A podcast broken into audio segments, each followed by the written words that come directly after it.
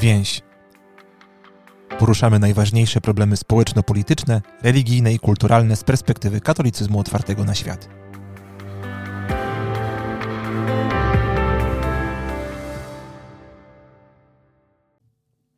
Dzień dobry, witam Państwa bardzo serdecznie przy mikrofonie Sebastian Duda. Dzisiejszym moim gościem jest ksiądz profesor Andrzej Braguła, który w naszym wydawnictwie więziowym, Biblioteki Więzi, wydał ostatnio książkę pod takim tytułem, który dla wielu może być zastanawiający. Syn marnotrawny, biografia ocalenia.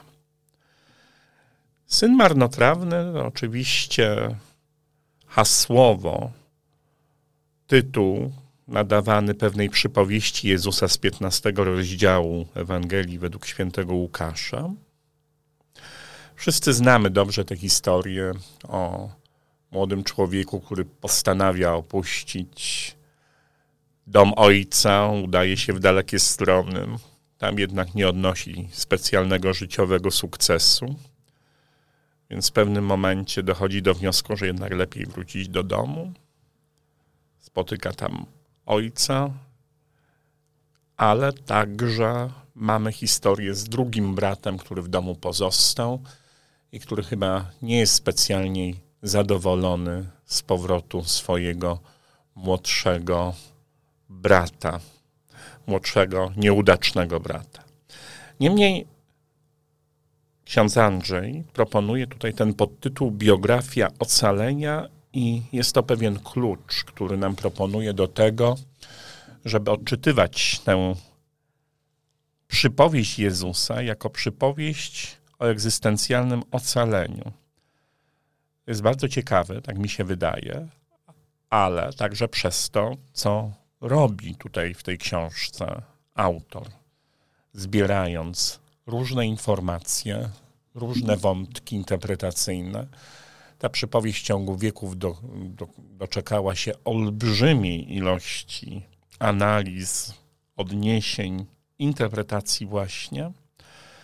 I tę historię oddziaływania tej przypowieści przywołuje tutaj ksiądz Andrzej bardzo szeroko, bardzo ciekawy sposób, dając nam pewne tropy, o których nie wiemy albo o których zwykle nie myślimy ale ciągle właśnie w tym napięciu, w tym kluczu interpretacyjnym, że jest to historia życia, które jest egzystencjalnym ocaleniem. Chciałbym Cię zapytać, Andrzeju, jak Ty doszedłeś właśnie do takiego klucza najpierw? To znaczy, jest to oryginalne, to ocalenie, tak jak piszesz w tej książce, jest e, odniesieniem do czegoś, co jest znanym oczywiście teologicznie terminem, ale coraz mniej uchwytnym dla bardzo wielu wierzących i niewierzących tym bardziej. Mówię oczywiście o zbawieniu. Piszesz także tutaj, że wolisz używać terminu ocalenie niż zbawienie. A dlaczego właśnie tak i dlaczego taki klucz podjąłeś? Chciałbym cię zapytać na początku. E, dzień dobry bardzo oczywiście. Pozdrawiam e, z Zielonej Góry tymczasowo. E, dziękuję Sebastianie za tę propozycję, oczywiście rozmowy na temat tej książki, która jest dla mnie, myślałem, że dotychczas najważniejszą książką jest dla mnie Emaus, e, ale być może właśnie ta książka, interpretacja czy komentarz do przypowieści o synu marnotrawnym e, staje się teraz dla mnie książką ważną w tym znaczeniu, że jakby książką centralną, bo do, dotykającą tego, co chyba stanowi istotę e, wiary, bardziej wiary niż religii, czyli właśnie zbawienia czy ocalenia. Dlaczego ja się upieram na to ocalenie? Oczywiście upieram się na to ocalenie z powodów, powiedzmy sobie, najpierw retorycznych. Właśnie dlatego, że to ta, ta kategoria zbawienia to jest trochę tak, jak mówią moi studenci, że wiemy, dopóki ksiądz profesor nas o to nie zapyta. Bo jak e, rozumiesz, jak zapytam, to oni mają e, trudności z opowiedzeniem tego słowami, ze znalezieniem słów adekwatnych, żeby coś wyjaśnić. Czyli zbawienie jest takim terminem, który my intuicyjnie jakoś rozumiemy. A co ci tak mówią najczęściej, jak ich pytasz? Co ci odpowiadają? Bo ja słyszę, wiesz, życie wieczne na przykład. To jest, to się tak, najczęściej... Tak, tak, oczywiście, oczywiście, oczywiście. Zbawienie to jest życie wieczne, oczywiście. I znów tutaj się otwiera cała przestrzeń myślenia o życiu wiecznym w kategoriach czasowych e, i tak dalej, i tak dalej, i tak dalej. E, to są fałszywe ścieżki, z których trzeba jak najszybciej powrócić, bo obawiam się, że są to fałszywe ścieżki, które na których bardzo często chodzą, po których bardzo często chodzą kaznodzieje i po tych ścieżkach prowadzą swoich słuchaczy. I nie mają zupełnie e, świadomości, że właśnie, wiesz, przez odniesienie do życia wiecznego tych słuchaczy tracą, dlatego że oni widzą w tym jakąś taką opowiastkę mitologiczną wtedy bardziej. Hmm. Tak, i eskapistyczną taką, tak. to znaczy i, i prowadzącą też do jakiejś, no może nie wprost, wiesz, e, pogardy świata, ale jednak takiego dualizmu, E, który wyrasta mm, e, przynajmniej, jeśli nie z pogardy, to takiego niedoceniania tego świata, traktowania go jako, jako pewną e, czasową przypadłość, jako konieczność. Mnie się pamiętam, kiedyś bardzo podobało w, w dawnych bardzo czasach, powiedzmy sobie, w moich czasach przedteologicznych powiedzenie świętej Teresy z Avila, że życie to jest nocleg w kiepskiej karczmie, ale dzisiaj się w życiu z tym nie zgodzę. Bo to nie jest nocleg w kiepskiej karczmie, w której e, chcemy tylko doczekać świtania. To byłoby, e, to chyba nie na tym musi polegać życie, żeby po prostu życie jako przeczekanie do jakiegoś mm, e, wypełnienia, które nastąpi wyłącznie dopiero tam, a dziś jeszcze żadnego dopełnienia nie ma. Więc wracając do tego E, e, zbawienia, e, ponieważ jest ono w moim przekonaniu niezrozumiałe jako, jako termin, i chyba też jakoś tak teologiczno-historycznie obciążone, ja cały czas popularyzuję to słowo ocalenie, które pojawiło się już w mojej de facto pierwszej książce, kiedy Aha. mówiłem ocalić Boga. Oczywiście ocalić Boga tutaj jest to o wiele bardziej metaforyczne, ale w słowie ocalić jest całość. I ta całość jest dla mnie czymś ważnym. W gruncie rzeczy nie zbawiamy części człowieka, jakiejś części człowieka, ratuj duszę swoją, zbaw duszę swoją, prawda? Tylko chcemy ocalić całego człowieka w całym jego człowieczeństwie, w całej jego historii. Mnie bardzo przekonuje, niestety nie umiem dzisiaj powiedzieć, u kogo przeczytałem, że nasza historia nie jest wyłącznie historią zbawienia, ale jest historią zbawioną. Aha. Jeżeli myślimy o sobie jako biografii zbawionej, nie tylko o biografii, która ma być zbawiona, tak, albo że my staramy się, nie daj Boże, żeby ją zbawić, albo bardzo zabiegamy, żeby ją wreszcie Pan Bóg zbawił, ale kiedy myślimy o własnej biografii jako biografii zbawionej i biografii potencjalnie już, znaczy dla nas potencjalnie, ale myślę, że z tamtej strony ostatecznie ocalonej, wydaje mi się, że daje to człowiekowi zupełnie inną perspektywę życia. To nie jest perspektywa lękowa, to nie jest perspektywa handlowa, to nie jest perspektywa konieczności czegoś, udowadniania sobie i Panu Bogu.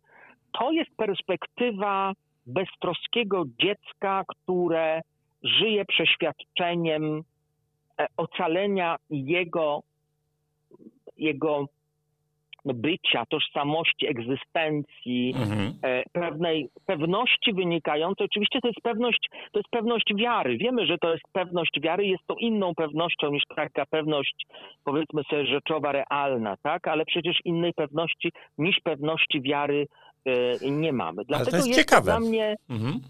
Dlatego, że no. to wiesz, no, mówisz o ocaleniu i tutaj ja, ja, rozumiem właśnie w tej perspektywie takiej zbawczej właśnie, już mówimy teologicznej, właśnie egzystencjalnej. To się także dzieje tutaj, tu i teraz, prawda? Przez, nie wiem, odniesienie naszego losu do Boga właśnie przez wiarę. Ale wiesz, e, Cała ta książka jest dla mnie zastanawiająca, twoja, ta perspektywa, y, także w kontekście tego, co, co jest naszą współczesnością teraz. Bo to jest jednak przypowieść w pierwszym rzędzie o odejściu. Tak? O odejściu tak. właściwie od czego? No od tego, z czym się nam wiara kojarzy. No bo ojciec jest tutaj figurą, no dla wielu jest figurą Boga, już nie będę przytaczał, wiesz, dla, także no, mm przydajesz tam inne też interpretacje, oczywiście bardzo mm ciekawe, chrystotypiczne, prawda, że to jest także Chrystus i tak dalej, ale to jest jednak odejście od od Boga, odejście od takiej perspektywy, no, którą no, wyznacza na przykład w Polsce Kościół rzymski, tak? I jest to doświadczenie coraz większej y, grupy osób. Y, ostatnio, tak? No, wiemy to dobrze. Oni odchodzą, tak? Odchodzą ku czemuś. To jest jednak historia odejścia od takiej zastanej domowej katolickiej perspektywy także. I ty proponujesz tutaj jakby taką dramatyczną wersję tej opowieści, która e, no, będzie miała zaskakujące, zaskakujący finał, ale jednak jest odejściem w dalekie strony i no właśnie takim kluczowym doświadczeniem, które przywołujesz, będzie głód. Ale chciałbym, żebyś przedstawił tę perspektywę. Jak, dlaczego w ogóle się zainteresowałeś tym teraz? E, nie, nie, nie, zainteresowałem się tym teraz. Dużo postawiłeś, Sebastianie, pytań. Dobra. Nie, nie zainteresowałem się tym teraz. Od, zacznę od końca. Ta przypowieść intryguje mnie od dawna i moje zainteresowanie tą przypowieścią wynika przede wszystkim z radykalnej niezgody, z upowszechnianej tezy, jakoby teologicznej, że miłosierdzie jest uwarunkowane upokorzeniem że trzeba się upokorzyć, by doznać miłosierdzia. I właściwie mm, mm, w takim dyskursie, w takim dyskursie chrześcijańskim, ale w takiej, jakby w takim wydaniu trochę kulturowo-cywilizacyjnym, to jest niezwykle powszechne. To znaczy, nawróć się, a my z tobą pogadamy. Upokórz tak. się, nawróć się, pokutuj, to my z tobą pogadamy. To jest warunek sine qua non po prostu. Musisz... To jest warunek sine qua non, tak. Moim zdaniem, jestem głęboko do tego przekonany, po lekturze tych wszystkich komentarzy i własnych przemyśleń, że jest zupełnie odwrotnie. Że miłosierdzie okazane otwiera w człowieku przestrzeń prawdziwej, autentycznej skruchy i nawrócenia. Ale tylko w ten sposób. To znaczy, musi być to miłosierdzie, które nie upokarza człowieka. To nie jest miłosierdzie z łaski tak? Bo my mamy miłosierdzie, my ciągle myślimy o miłosierdziu w kategoriach takiego miłosierdzia gminy, tak?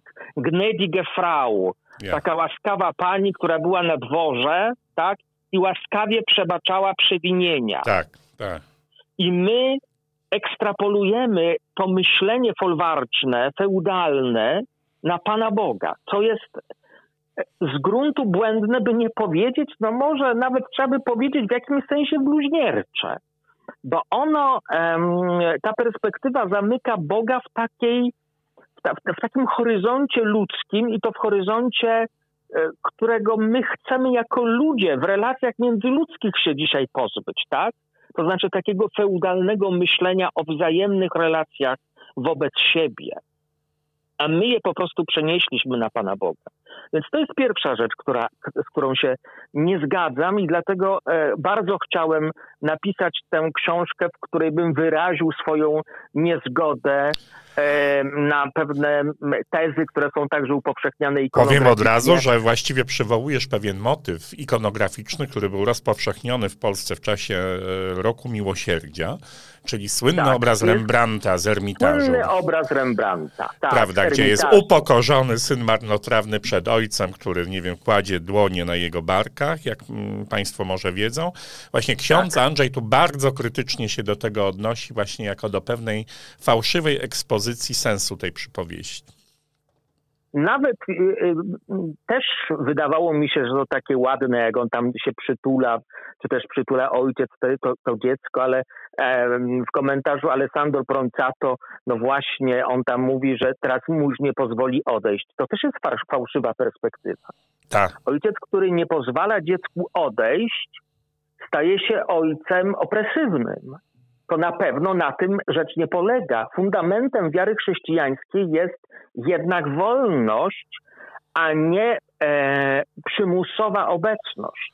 Miłość z przymusu. Ani ale nawet zginanie karku i klękanie. Ty bardzo pięknie opisujesz e, ale właśnie chciałbym to. wrócić, mhm. Mm, Sebastianie, do mhm. twojego pytania dotyczącego współczesnego kontekstu. Bo mhm. tak, Y, po pierwsze, bardzo starałem się jednak uciekać od interpretacji alegoryzujących, które też oczywiście są powszechne, że ojciec to jest Bóg Ojciec. No dobrze, skoro ojciec to jest Bóg Ojciec, to jakie role przypiszemy dzieciom, bo wiemy, że w alegorii to jednak te role są utożsamiane, tak? Ja jestem dobrym pasterzem. Chciałbym tutaj uciec od tej alegorii, ponieważ te alegorie zaprowadzają nas y, na obszary czasami zaskakujące i niebezpieczne, jak tam przy, przytaczam interpretację e, biskupa mm, Szlagowskiego, tak? Szlagowskiego, tak.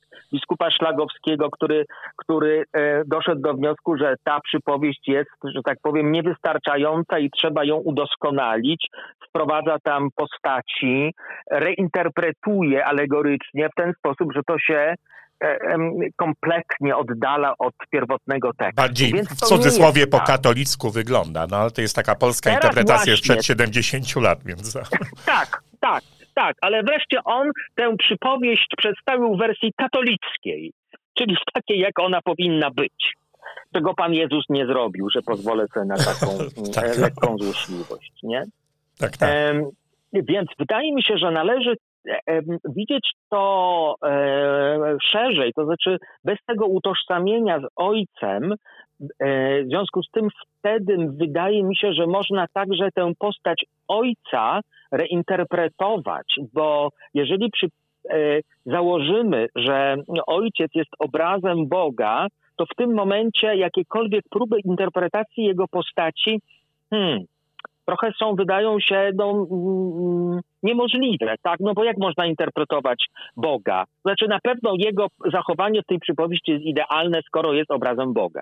No tak. Ale ja jednak proponuję tam te, takie interpretacje, które wykraczają poza taką wąską perspektywę, tak? Pytanie, dlaczego ojciec się nie odzywa, kiedy syn y, żąda majątku i odchodzi. Pytanie, jakie są relacje w tym domu pomiędzy nim a, a tymi dwoma synami. Jakie Ale sugerujesz, sugerujesz, że to może być dysfunkcyjna trochę rodzina. Niektórzy mówią, że to może być rodzina, może dysfunkcyjna bym za dużo powiedział, ale jednak e, rodzina, w której, jak w każdej rodzinie, nie są zawsze relacje idealne te relacje mogą być także na, niektórych, na niektórych płaszczyznach zaburzone. Jest takie pytanie, czy syn marnotrawny, młodszy nie odchodzi ze względu na starszego. Tak, to zachowanie starszego po powrocie zdradzałoby jakieś jego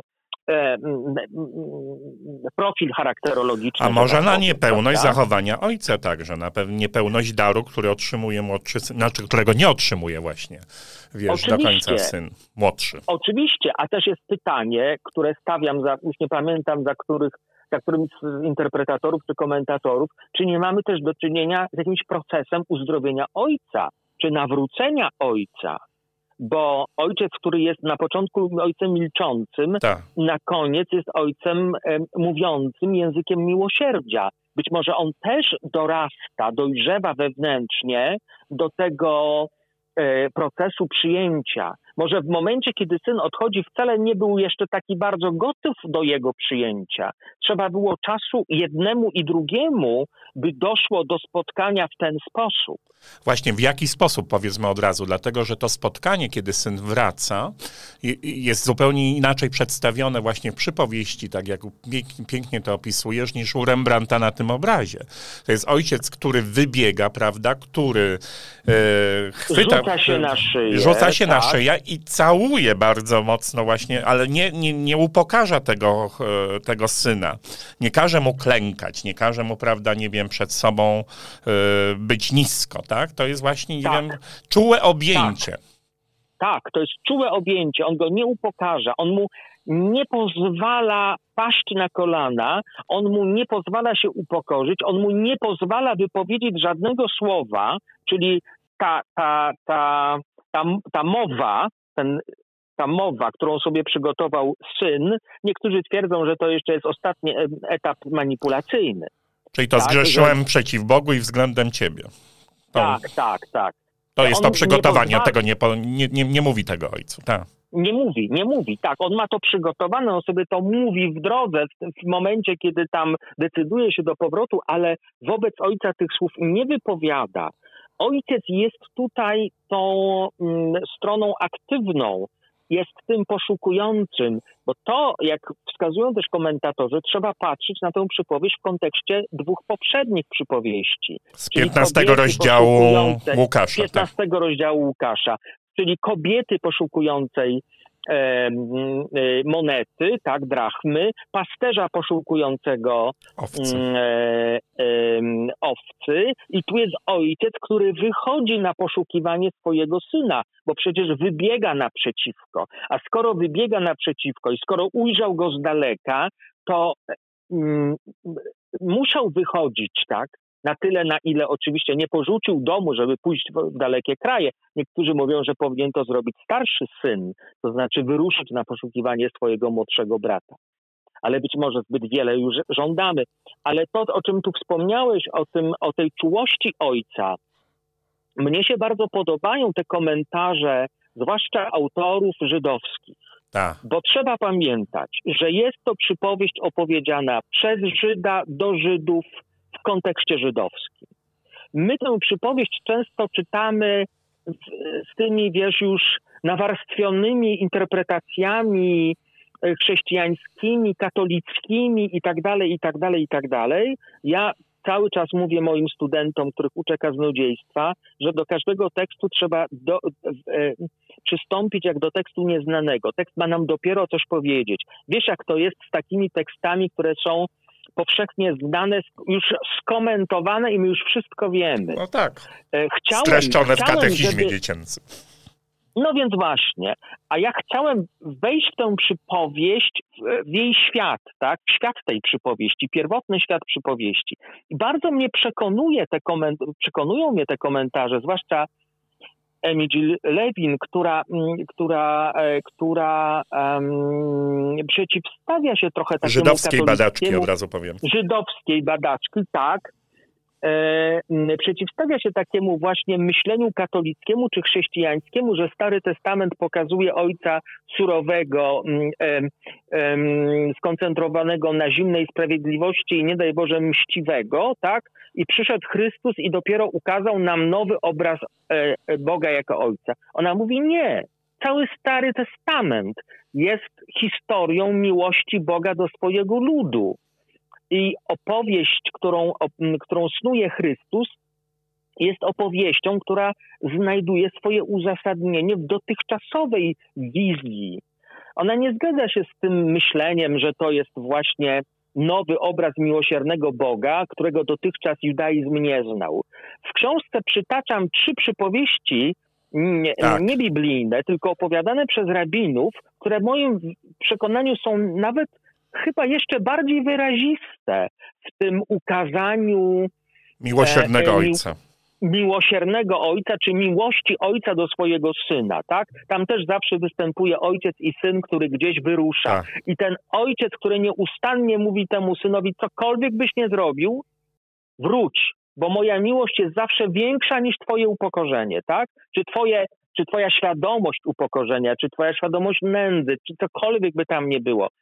E, musisz mieć pewność, że moja miłość jest większa powiedzmy już takim językiem, powiedzmy katolickim, moralnym od twojego grzechu. Przepiękne to jest. byś nie tak. zrobił. Przepiękne tak, to jest, ale ja tutaj wracam, wiesz, do tego punktu odejścia. Dlaczego syn odchodzi? Czy w ojcu był jakiś brak w takim razie i później sam ojciec dojrzewa, bo to jest taka supozycja, która jest nieoczywista dla wielu ludzi, a u ciebie w mhm. książce występuje.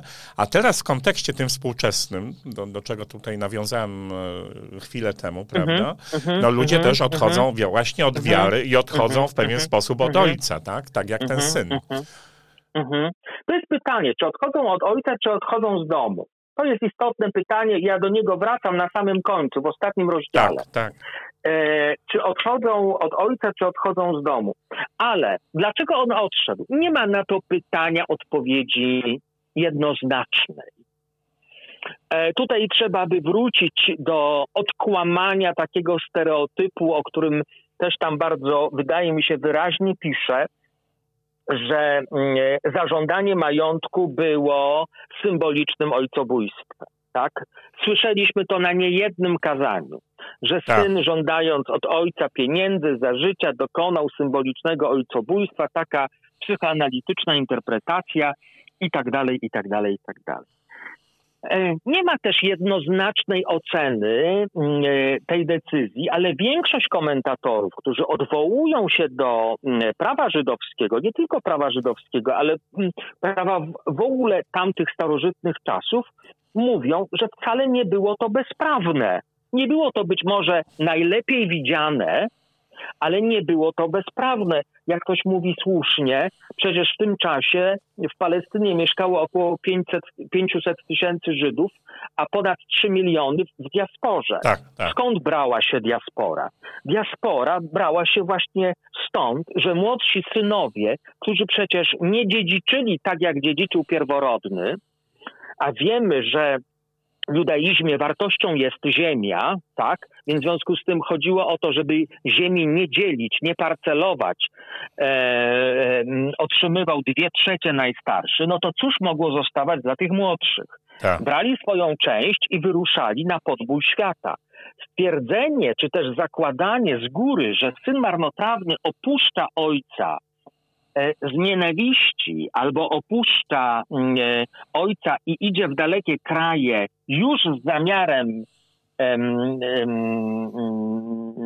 no, wydania tego majątku, tak? zniszczenia tego majątku, żeby żyć rozrzutnie, grzecznie z owymi nierządnicami, nie ma moim zdaniem żadnego uzasadnienia w tekście biblijnym. Nie ma, no w tym historycznym nie kontekście mówi, na pewno nie, ale jednak odchodzi od ojca. Ta majętność to jest bardzo prze, przedstawiona greckim słowem, które tu przywołujesz, bardzo w książce oczywiście, tak. Uzija. Uzija to jest to, to jest, to, to, to jest po prostu coś, taki termin filozoficzny, znany, nie wiem, od Platona, który staje się łacińską substancją, prawda? Tak, tak, tak, e, tak, tak.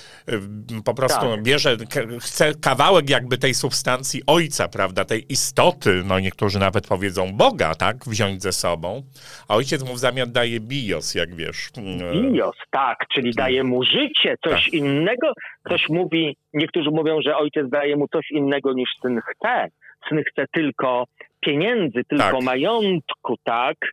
E, a ojciec daje mu więcej, daje mu swoje życie. Co on więc roztrwonił? On nie roztrwonił jedynie majątku, bo roztrwonienie majątku nie byłoby jeszcze, powiedzmy sobie, czymś takim złym, ale on trwoni, cóż, swoją genealogię, swoją tożsamość, swoją. Mm, no właśnie myślę, że słowo tożsamość jest tutaj bardzo, mhm. bardzo, bardzo, bardzo dobre. Ale wracając, e, bo my otwieramy i zamykamy te wątki i furtki, do tego kontekstu współczesnego, myślę, że tutaj pewnym, mm, e, pewnym kluczem jest oczywiście interpretacja André Gida. Ja ją przywołuję bardzo często, Dlaczego e, Andrzej Gide napisał e, e, to opowiadanie, czy tę mm, fabularyzację przypowieści o synu marnotrawnym mhm. i dlaczego tam są takie wypowiedzi, które wydają mi się dzisiaj niezwykle trafne? Ponieważ co jest u podstawy tego tekstu Andrezida? Niezgoda na Kościół z jednoczesnym niewykluczeniem wiary. Właśnie. Tam jest właśnie to. Tam jest właśnie to. Dom, który jest pisany wielką literą w jego opowiadaniu, tak? I dom go, e, syn marnotrawny mówi u Żida, że dom go e, ograniczał, dom go mm, e, w jakimś sensie mm, zniewalał i tak dalej, i tak dalej, i tak dalej. To znaczy tam E, nie ma u podstawy odejścia, czy u źródła odejścia negatywnego doświadczenia ojca, tam też jest i matka, nie ma tego negatywnego no, doświadczenia no, ojca. Kościół, taki głos kościoła, tak, u Żyda. Yy, ale, jest, ale jest właśnie, ale jest właśnie e, odejście od, do, z domu, oczywiście, z domu w sensie z kościoła, odejście z domu, ponieważ to dom go więził, nie ojciec. Tam jest to bardzo mocno u Andrzejida to napięcie pokazane, że to nie ojciec, ale dom go, e, e, dom go ograniczał, ale dom tworzą jeszcze inni. na Domownicy. przykład jego rówieśnicy. Tak. Tak. to są domownicy, to, są, to jest jego rodzeństwo, prawda? To jest jego rodzeństwo. To jest to, o czym też mówi mm, e, w Timothy Keller. Ja go też chętnie tam pod koniec zwłaszcza, Cytujesz, mm, tak. zwłaszcza W tych cytuję. konkluzjach takich właściwie do W tego. konkluzji, tak, tak, do tego, że mm, to jest właśnie trochę odejście młodszych braci, którzy się nie zgadzają na starszych braci.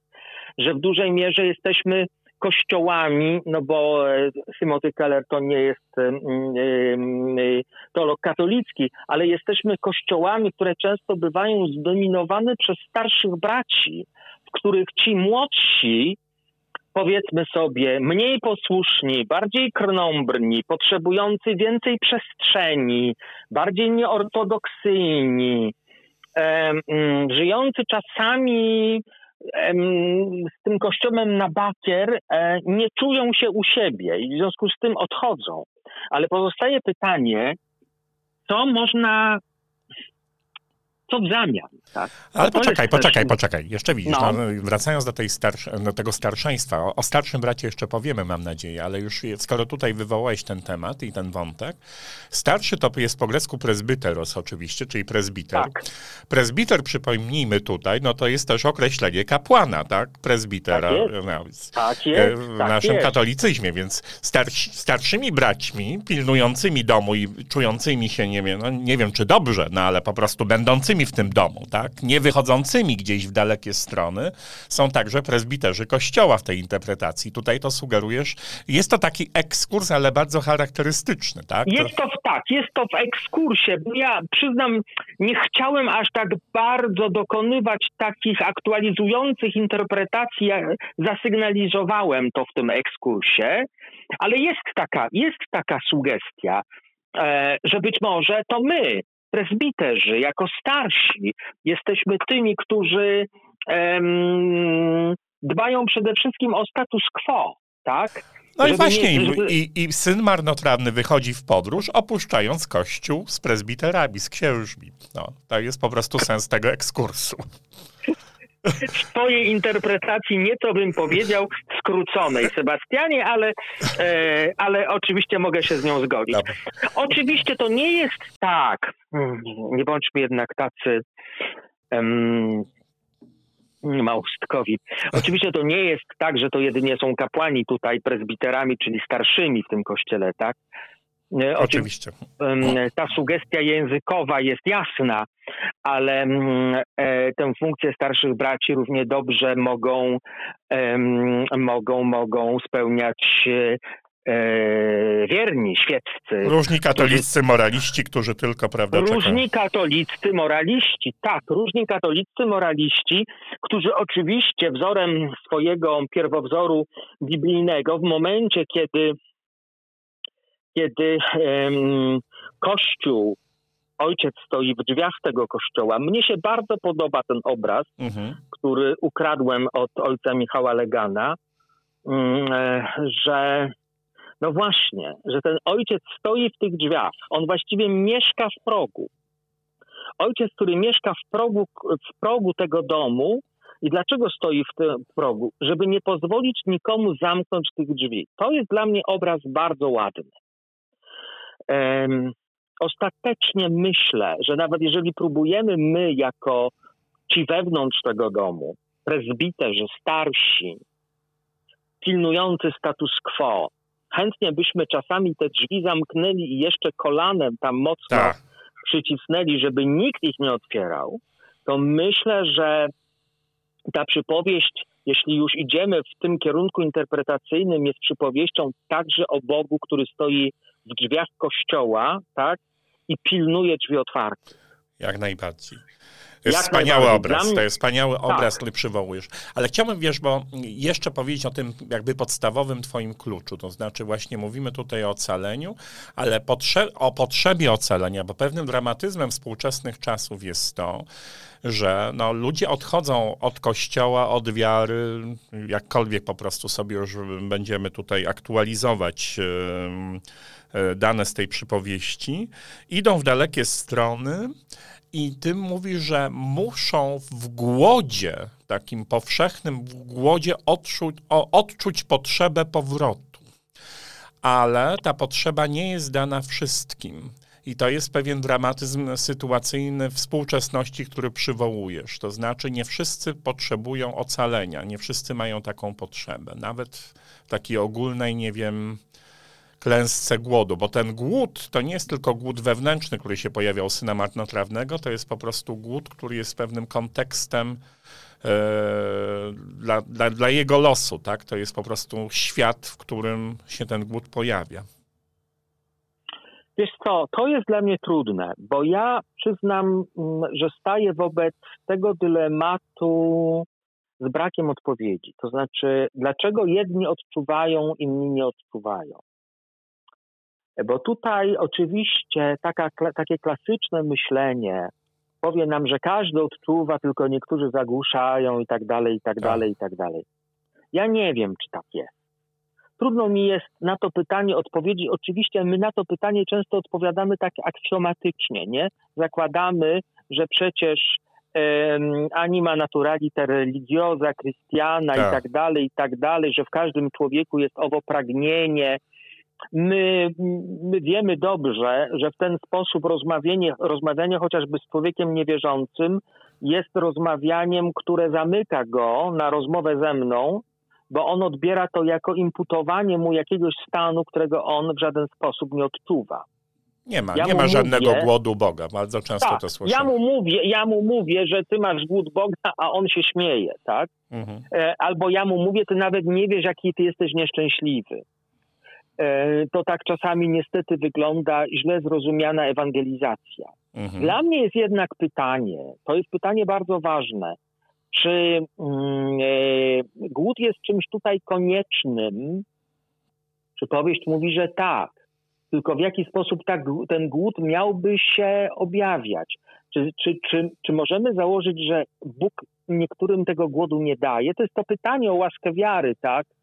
E, ja o tym pisałem też ostatnio na Facebooku. Oglądałem ostatnio mm, Zaćmę Bugajskiego, tam jest rozmowa o, o łasce mhm. wiary między prymasem a Brystygierową i ona mówi, ale może Pan Bóg mi tej łaski nie dał. To jest bardzo często fraza, która się pojawia w rozmowie z osobami niewierzącymi, które mówią, że może Pan Bóg mi tej łaski nie dał. E, nie mam na to odpowiedzi. Mhm. E, czy one w ogóle są w dalekich stronach, czy my, czy, a może jednak, nie wiem, są w domu, tylko my po no, prostu no, nie, nie jesteśmy w stanie tego jakoś sobie... Hmm, no, no właśnie. Nie jesteśmy w stanie tego przyjąć po prostu. Być może, wiesz, być może my mamy tę topografię domu i dalekich stron zbyt jednoznacznie nakreśloną. E, I patrzymy to, co, na to, co jest domem i czym są dalekie strony sposób nazbyt jakiś taki stereotypowy, do którego się przyzwyczailiśmy, a może ktoś jest w domu nie mając tego świadomości. może ten dom też być w dalekich krajach. Ja teraz oczywiście e, próbuję znaleźć jakieś wyjście na tę dla mnie, dla mnie jako księdza, dla mnie jako kaznodziei, tak, dla mnie jako też jakiegoś ewangelizatora, jest to dla mnie trudne pytanie. To jest jak śpiewał Cohen w piosence Zuzanna, że widzą Chrystusa tylko tonący. Mm-hmm, Rzeczywiście jest tak, że trzeba tonąć, tylko że wtedy wydaje się nam, że jednak idziemy w kierunku wiary rozumianej jako mm, doświadczenie takie religijne e, i to negatywne doświadczenie, że człowiek potrzebuje negatywnego doświadczenia, żeby zapragnąć Boga jako tego, który go w tym ocala. To jest ten paradygmat w tej przypowieści. Tylko czy to jest paradygmat, który, który wyczerpuje naszą relację do Boga? Myślę, że nie, bo też nie sugerujesz, dlatego że to, co jest domem ojcowskim, jest dla ciebie także metaforą pełni miłości, albo po prostu czegoś, co jest po prostu taką, takim urzeczywistnieniem tej miłości, której brak można odczuwać. I chyba te dalekie strony to w pierwszym rzędzie są strony, w których nie ma tego, tak? To znaczy właśnie dlatego mamy jakiś tak, mam, mamy pewną. E, pewną egzystencjalną sytuację, której ludzie czują tę niepełność, tak? E, I, I dlatego będą próbowali wracać do czegoś, gdzie e, mogą spotkać miłość. Przynajmniej intuicyjnie tak to wyczuwają. Aczkolwiek ta sytuacja syna marnotrawnego nie jest taka oczywista. On dopiero właściwie w drodze i w spotkaniu chyba nabywa tej pewności, tej świadomości, którą tutaj przywołuje. Właśnie, bo ta przypowieść jest dla mnie także o tyle ważna, że ona mówi o niedoskonałości nawrócenia. Mhm. To mnie też przekonuje. Um, nie, bo my często myślimy o nawróceniu w takich kategoriach radykalnych, ale jakie jest to nawrócenie syna marnotrawnego? Ojciec go pyta, co cię do, do, do mnie przywiodło? Miłość? Nie, głód. Głód, tak. Głód, po prostu głód. Głód, tylko czy sam głód, czy oprócz tego głodu nie było gdzieś, była także pamięć, bo on o tym mówi wprost, pamięć o, o obfitości domu. Ten dom obfity, tak, gdzie nawet, nawet najemnicy czy niewolnicy opływają w chleb. Um, pamięć o, jednak pamięć o, o tej obfitości domu, czyli o jakimś doświadczeniu chyba także miłości. Tu nie ma prostej odpowiedzi, czy to jest wyłącznie głód, czy to jest um, piękna, wzruszająca miłość do Ojca. Moim zdaniem to nie jest takie proste. Nasze powroty do Boga, czy nasze nawrócenia bardzo często są także nawróceniami niedoskonałymi.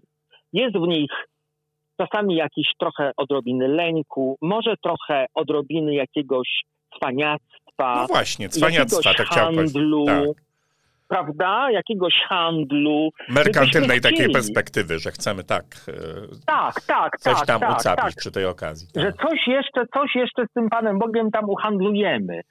E, I to mnie też, mnie to też przekonuje, ponieważ często te interpretacje tej przypowieści idą w takim kierunku, że on po prostu E, powiedział sobie wstanę i pójdę, nastąpiła radykalna zmiana, to znaczy, że w tym momencie nawrócił się całkowicie, tak, bo przecież takie mm, tradycyjne myślenie o nawróceniu to jest odwrócenie się, prawda? Tak, Skoro tak. grzech jest odwróceniem się od Boga, to nawrócenie jest odwróceniem się od grzechu. Ale my wiemy, że to odwrócenie się od grzechu bywa czasami niedoskonałe, słabe, częściowe, że się wraca do tych świń i tak dalej, i tak dalej, i tak dalej. A co więcej? Nie mamy pewności, że on, że syn marnotrawny nie wyruszył po raz drugi. Wcale nie mamy tej Nie pewności. mamy i właściwie, no właśnie, czy uzyskał tam pełnię? Skoro mamy tę zagadkową postać, starszego brata, który powinien, no jeżeli do mnie spełnią miłości, bycie przy ojcu jest pełnią miłości, czy on tam czegoś takiego zaznał?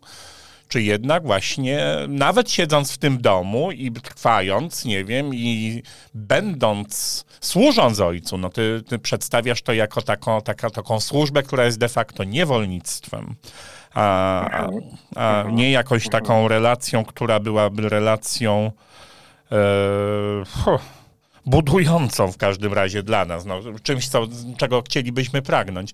Mamy tego, postać tego drugiego brata, który zostaje w domu, prawda, i który wcale nie jest tam, nie, nie doznaje tego, o czym my mówimy, tak? No Czy... właśnie. I kto jest temu winien, to jest pytanie. Bo mhm. my oczywiście chcielibyśmy obwinić tylko i wyłącznie e, starszego brata, ale może jest za to także winien ojciec. Bo jeżeli ojciec mu mówi, że wszystko, co moje jest powie, to dlaczego syn nigdy tego nie doświadczył? Znaczy, dlaczego on nigdy przez cały pobyt w domu ojca nie odniósł takiego wrażenia? Być może było to tylko i wyłącznie na płaszczyźnie deklaracji. Wszystko co moje, jest twoje. No przecież, przez całe życie. Ale ten syn nigdy tego tak nie, nie, nie, nie interpretował i nie odbierał. On wciąż czekał, że ojciec mu coś da bo on w tym domu nie czuł się domownikiem, pełnoprawnym domownikiem. On się czuł tym, który w tym domu jednak jest jednym ze służących. I to jest teraz dla mnie pytanie o naszą relację do Boga, bo my bardzo często, mam wrażenie, też nie czujemy się wobec Boga jako dziedzice. Tak, właśnie. Tak, dziedzice. Mhm. Jako dziedzic. Dziedzic, który ma już pełne prawo korzystania z tego, co jest Jego, tak? Tylko my ciągle w relacji z Panem Bogiem czujemy się no wiesz dobrze, że przez wieki ciągle te opisywaliśmy to w kategoriach służby, posłuszeństwa, tak, tak. prawda, i tak dalej, i tak dalej. Nie w kategoriach takiego radosnego korzystania z dóbr domu, tak? Nie. Właśnie on staje się zgorzkniałym orędownikiem sprawiedliwości, tak jak, nie wiem, sugerujesz tak. w pewnym momencie. Ten starszy brat, tam nie ma miłości. On jest zgorzkniałym orędownikiem sprawiedliwości i to jest sytuacja bardzo wielu osób, które formalnie przynależą do kościołów najróżniejszych chrześcijańskich oczywiście, a które nie jest... mogą być dobrymi, no nie wiem, emisariuszami właśnie tego, co, co jest chyba jakby istotą, czyli relacją, czyli miłością właśnie. No właśnie, ale to jest takie bycie wobec Boga, które kompletnie da, nie daje radości. To jest właśnie wiara zgorzkniała. Wiara, w której, no wyobraźmy sobie, to, to jest najpierw historia o relacjach międzyludzkich. Mhm. A jeśli to jest o, o, o Bogu, o Kościele, o, o relacjach, o zbawieniu i tak dalej, o, o relacjach nadprzyrodzonych, to jest najpierw o, o relacjach międzyludzkich. Możemy sobie wyobrazić, że co? Że ten syn starszy wciąż nieustannie się pytał ojca, czy może wziąć, może wziąć to, czy może wziąć tamto.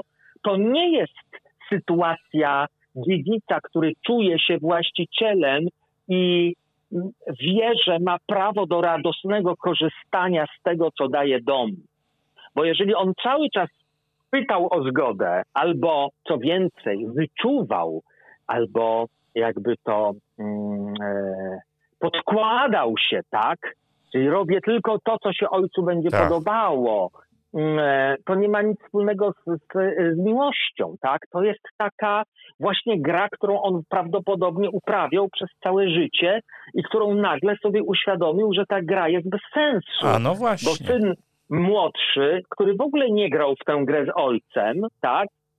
E, nagle dostał e, utuczone ciele i to takie ciele E, które zabijano, być może było e, przygotowywane na wesele mhm. starszego brata, tak, bo to było utuczone ciele, takie mięsne, takie tłuste, takie dobrze napasione zbożem, a jemu nie dano nawet koziołeczka, tak, że już sobie pozwolę na taką no, no, no dokładnie o tym mówi. Więc no widzisz, właśnie. tutaj właśnie, on też potrzebuje ocalenia, ale ocalenie, o którym ty tutaj mówisz, które sugerujesz tej wspaniałej książce.